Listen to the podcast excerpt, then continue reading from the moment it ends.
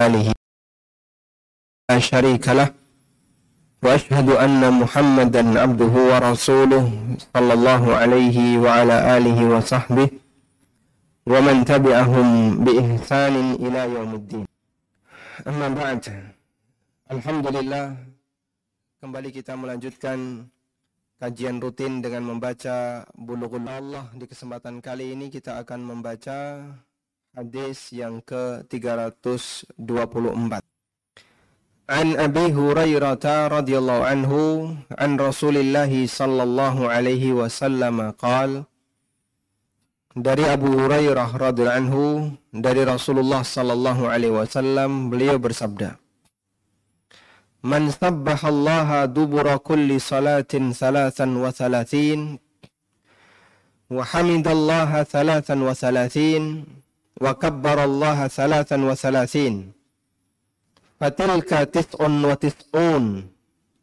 وقال تمام المئة. لا إله إلا الله وحده لا شريك له. له الملك وله الحمد وهو على كل شيء قدير. غفرت له خطاياه. وإن كانت مثل زبد البحر. رواه مسلم.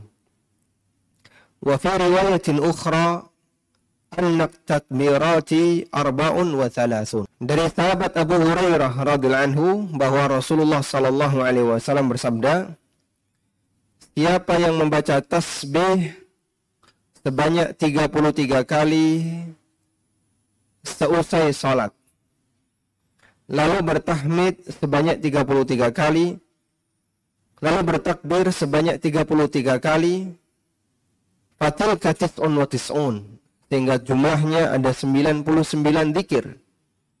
Wa qala tamamal mi'ah dan yang ke-100 dia sempurnakan dengan mengucapkan La ilaha illallah wahdahu la syarikalah lahul mulku wa lahul hamdu wa huwa ala kulli syai'in qadir maka dosa-dosanya akan diampuni meskipun dosanya sebanyak buih yang berada di lautan. Hadis riwayat Muslim. Wa riwayatin ukhra dalam riwayat yang lain anna takbirati arba'un wa bahwa jumlah takbir sebanyak 34. Subhanallah 33, Alhamdulillah 33, Allahu Akbar 34 kali. Tayyib. Sebelumnya saya ceritakan sedikit ya tentang bagaimana adab ketika seseorang mendengarkan hadis Nabi Sallallahu Alaihi Wasallam. Dan tadi sebelum kajian dimulai, Takmir membacakan satu buah hadis setelah sholat duhur. Itu rutin ya. Setiap selesai sholat duhur, hari Selasa saja, atau semuanya. Rutin, setiap hari. Duhur dan asar, kecuali Jumat ya. Tersebutlah seorang ulama besar dalam masalah hadis atau bin Abi Robah, ulama tabi'in. Dan waktu itu beliau berusia sudah cukup senior. Usianya berapa wallahu alam yang jelas beliau sudah senior. Lalu ada anak SMP dan beliau mengatakan anak 11 tahun dengan khusyuk tertunduk mendengarkan anak ini menyampaikan satu buah hadis dari Nabi sallallahu alaihi wasallam. Katakan, "Laqad sami'tu hadzal hadis qabla an yulad hadzal gulam."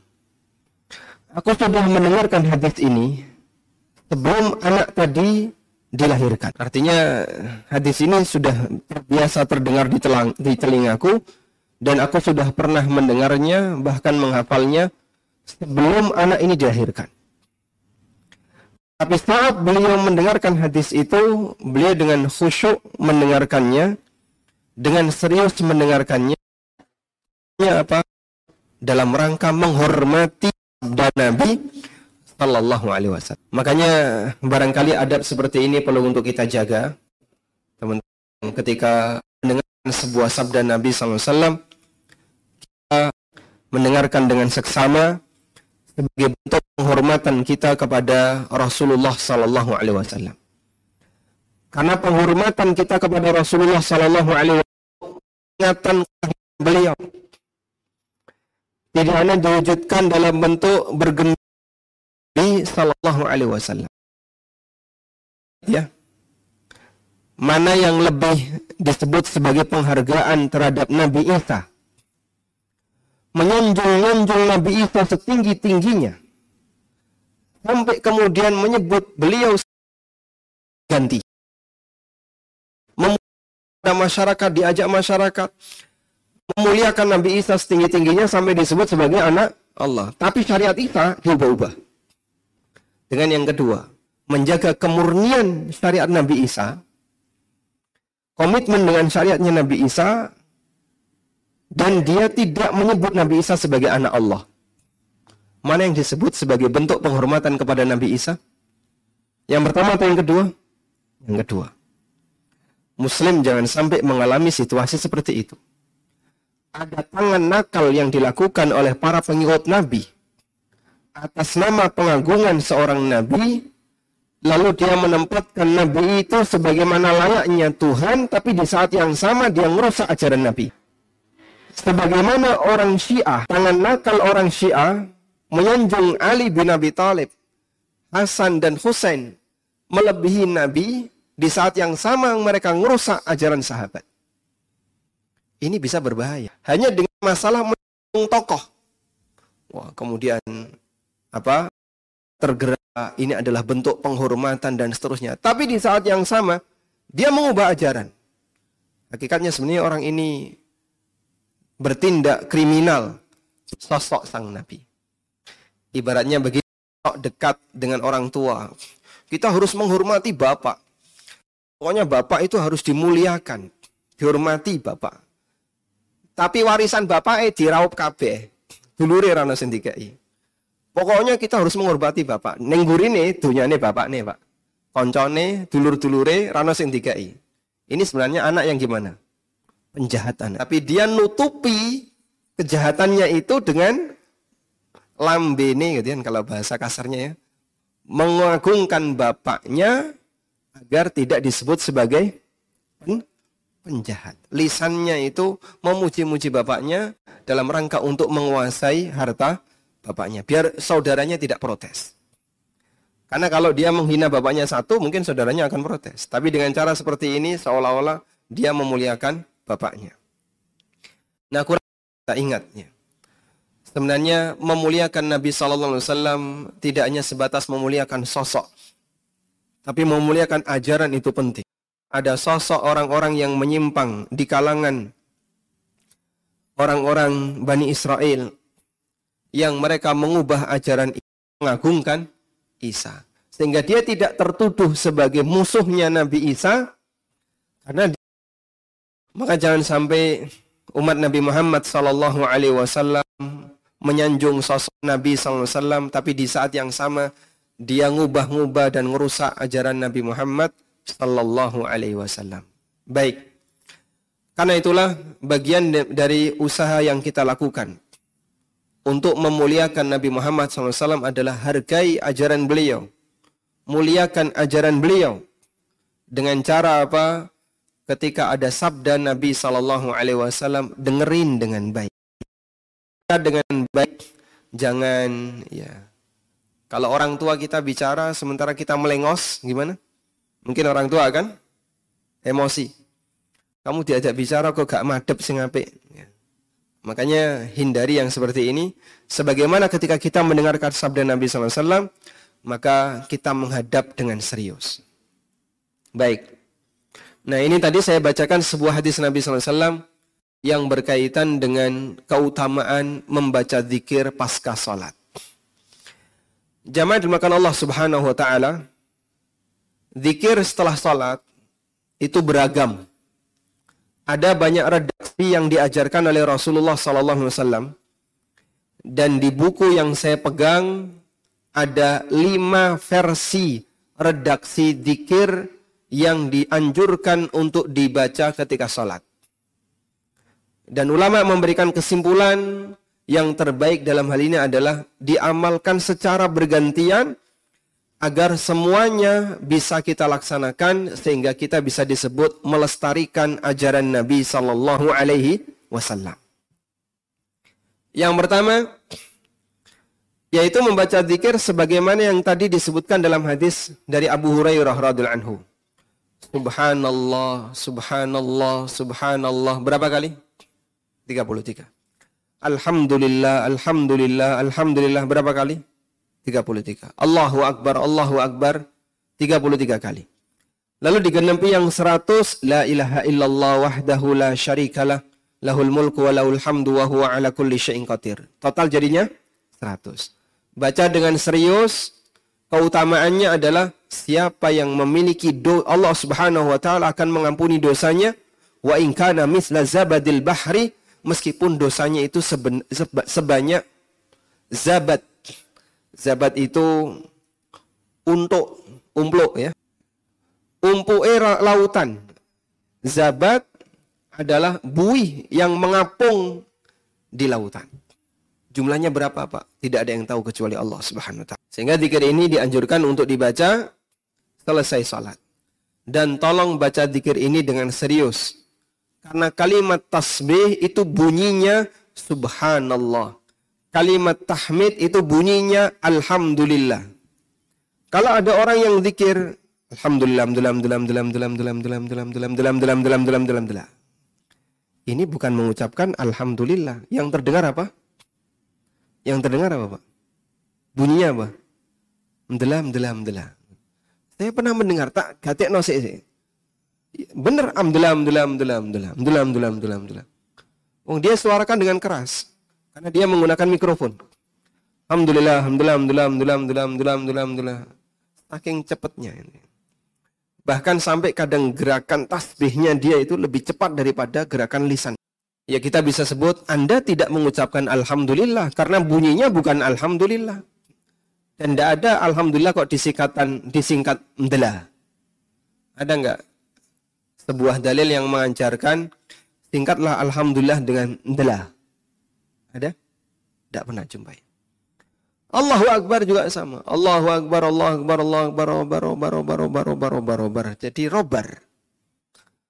Dan kita tidak pernah diajarkan baik dalam Al-Quran maupun hadis yang mengajarkan singkatan Allahu Akbar dengan robar.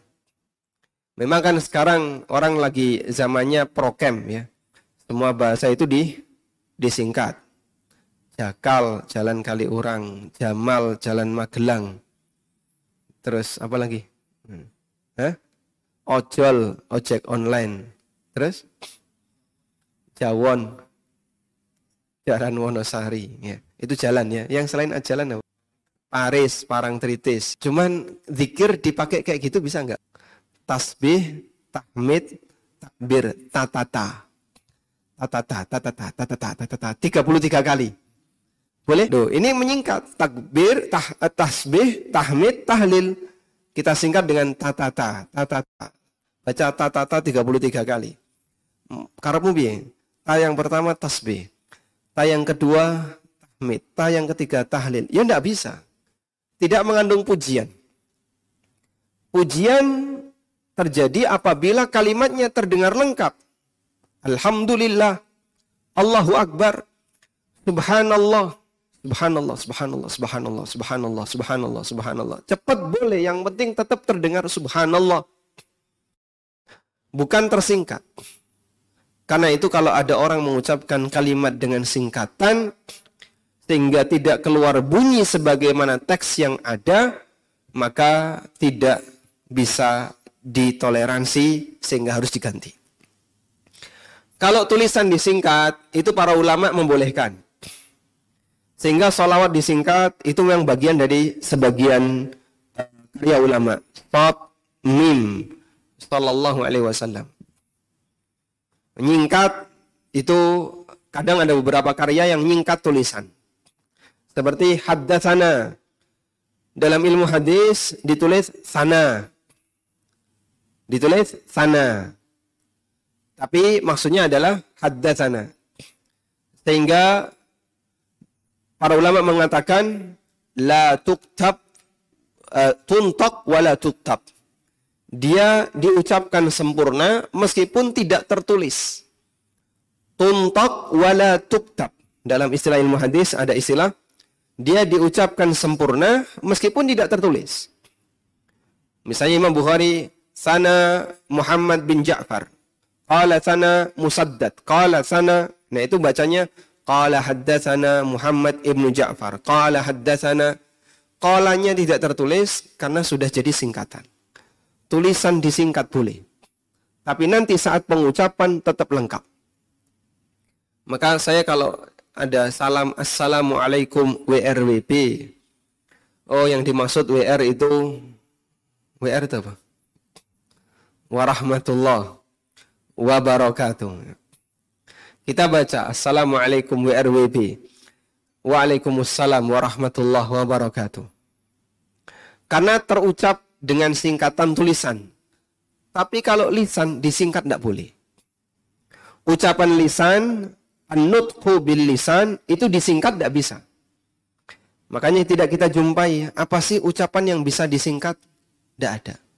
Sebab modal ucapan itu lebih ringan daripada tulisan. Kalau tulisan kan harus bisa panjang. Maka untuk ucapan butuh modal berapa? Waktu yang pendek. Sallallahu alaihi wasallam. Sehingga salawat jangan di, di apa disingkat ketika mengu, mengu, mengucapkan. Kalau tulisan disingkat nggak apa-apa. Dari Nabi SAW. Beliau meriwayatkan bahwa Allah SWT berfirman. Kalau Anda mendengar seperti itu dalam sebuah pidato, kira-kira gimana? Pak, Pak, kalau tulisan disingkat tidak apa-apa. Tapi kalau pengucapan tetap harus dibaca sem sempurna. Sehingga tidak boleh untuk tulisan disingkat. As. Nah, tulisan boleh disingkat ya. As. Kita baca Assalamualaikum. Maka bacalah subhanallah dengan suara yang jelas. Terdengar pujian untuk Allah subhanallah. Bacalah alhamdulillah dengan suara yang jelas. Terdengar pujian alhamdulillah. Bacalah Allahu Akbar dengan suara yang jelas. Terdengar Allahu Akbar. Masya Allah. Masya Agar jangan sampai ketika salah membaca tidak terhitung sebagai di, zikir. Buru-buru apa orang itu ketika berzikir? Nikmati zikir itu dengan baik. Jangan membaca zikir dengan cara yang buru-buru. Selanjutnya, cara zikir yang kedua, mengucapkan subhanallah 33 kali, alhamdulillah 33 kali, Allahu akbar 34 kali. Jadi totalnya berapa? 100. Subhanallah 33 kali, Alhamdulillah 33 kali, Allahu Akbar 34 kali. Jadi totalnya 100. Dan ini disebutkan dalam hadis riwayat Muslim. Ini disebutkan dalam hadis riwayat Muslim. Bacaan yang ketiga, membaca subhanallah 10 kali. Alhamdulillah 10 kali, Allahu Akbar 10 kali. Ini berdasarkan hadis dari Abu Hurairah radhiyallahu anhu di mana Nabi SAW bersabda, Tusabbihuna fi duburi kulli salatin ashran, wa tahmaduna ashran, wa tukabbiruna ashran. Kau membaca tasbih di setiap kali selesai salat, sepuluh kali tasbih. Tahmid sepuluh kali tahmid dan takbir sepuluh kali takbir. Sebentar, uh, mohon maaf yang sedang salat jamaah. Makmum sebelah kanan imam. Makmum sebelah kanan imam. Tayyib. Karena para ulama menyebut makmum di sebelah kiri imam bisa batal sholatnya. Sehingga kita kembali ke sini ya. Tahmid 33 kali, takbir 34 kali. Berdasarkan hadis riwayat Muslim. Juga disebutkan dalam hadis dari Abdullah bin Amr. Hadisnya riwayat Abu Dawud, At-Tirmidzi dan yang lainnya. Atau yang tadi hadis Abu Hurairah diriwayatkan oleh Bukhari. Hadis dari Abdullah bin Amr diriwayatkan oleh Abu Dawud, Tirmidzi, Nasai dan yang lainnya dan sanadnya sahih. Rasulullah sallallahu alaihi wasallam bersabda, "Khaslatani khallatani la yuhsihima rajulun muslim illa dakhalal jannah." Ada dua amalan yang jika dilakukan oleh seorang muslim dalam arti dia berusaha untuk menghitungnya maka dia akan masuk surga. Ala wahuma yasir dan dua itu sangat mudah. Wa may ya'malu bihi qalil meskipun yang mengamalkannya sedikit. Amalnya mudah tapi yang mengamalkan sedikit. Bagaimana bunyinya? Yusabbihullaha dubri kulli salatin ashran. Wa yahmaduhu ashran. Wa yukabbiruhu ashran. Dia bertasbih di setiap selesai salat masing-masing sepuluh kali. Sepuluh kali tasbih, tahmid sepuluh kali, takbir sepuluh kali. Qala, kata Abdullah bin Amr, Ana ra'aitu Rasulullah sallallahu alaihi wasallam yaqidu biyadi. Aku lihat Nabi wasallam menghitung dengan tangan beliau. Qala kemudian Nabi wasallam mengatakan, "Fatilka khamsuna wa mi'atun bil lisan."